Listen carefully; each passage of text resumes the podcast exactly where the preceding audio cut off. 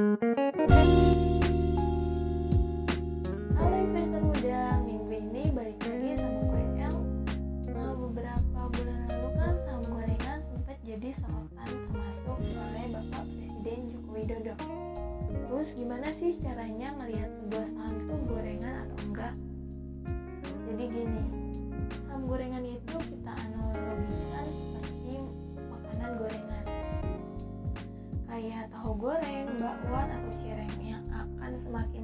renyah dan garing jika digorengnya lama. Tapi jangan lupa bahwa makanan yang digoreng tentu lebih tidak sehat bagi kesehatan dibandingkan makanan rebus. Karena itu, saham gorengan dapat diartikan sebagai saham perusahaan yang kenaikannya di luar kebiasaan. Sama seperti makanan gorengan, larangan mengonsumsi gorengan sebetulnya lebih kepada menjaga kesehatan, sehingga sesekali dapat dikonsumsi asalkan sudah paham dengan karakteristik dan resikonya. Jadi, ciri-ciri diduga saham gorengan itu yang pertama masuk ke dalam daftar unusual market activity atau UMA atau UMA. Saham tersebut biasanya disemprit duluan atau diperingatin duluan oleh PT Bursa Efek Indonesia atau BEI karena kenaikannya terlalu ekstrim, lebih dari dua hari. Definisi ekstrim di sini adalah naik hingga batas terbesar harian atau auto reject atas atau biasa kita sebut parah. Baik 20%, 25% atau 35% per hari tergantung dari harga sahamnya.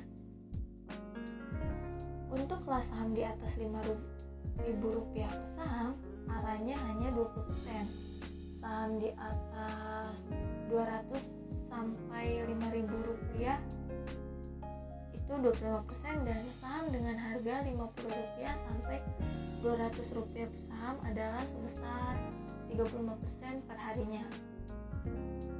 Karena sudah masuk radar bursa, maka UMA juga dapat menjadi alarm dan peringatan kepada investor dan trader di pasar bahwa penguatan harganya sudah di luar kebiasaan dan ada kemungkinan saham tersebut sedang dibandari oleh predator pasar.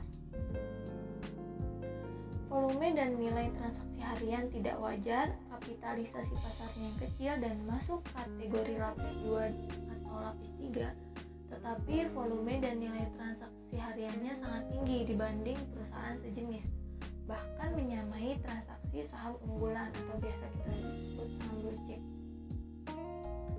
Yang kedua, bid dan offernya juga gak wajar. Bid adalah antrian beli saham di harga rendah, sedangkan offer adalah antrian jual saham di harga tinggi. Saham gorengan biasanya ditransaksikan dalam jumlah besar, tapi posisi bid dan offernya itu tipis-tipis. Artinya, hampir di setiap harga antrian, baik bid maupun offer, antriannya tidak merata. Bahkan sering hanya satu lot per harga yang memudahkan bandar menaikkan harga sahamnya. Terus, kinerja keuangannya dan informasi emiten tidak sejalan dengan kenaikan harga. Pergerakan harga yang ekstrim dan tidak karuan membuat saham gorengan tidak sejalan dengan kinerja keuangannya atau tidak disertai dengan pemberitaan dan informasi dari internal emiten. Kadang kinerja keuangannya tumbuh 50%, tetapi tidak jarang justru menciut atau kinerjanya turun lebih dari 50%. Nah, ketika harganya naik kencang tahan gantinya, sehingga kenaikan harga saham sering kali tidak beriringan dengan kinerja dan aksi korporasi yang diumumkan oleh emiten. Lalu saham gorengan itu biasanya tidak dapat dianalisis secara fundamental karena kinerja keuangannya tidak setinggi kenaikan harga sahamnya di pasar.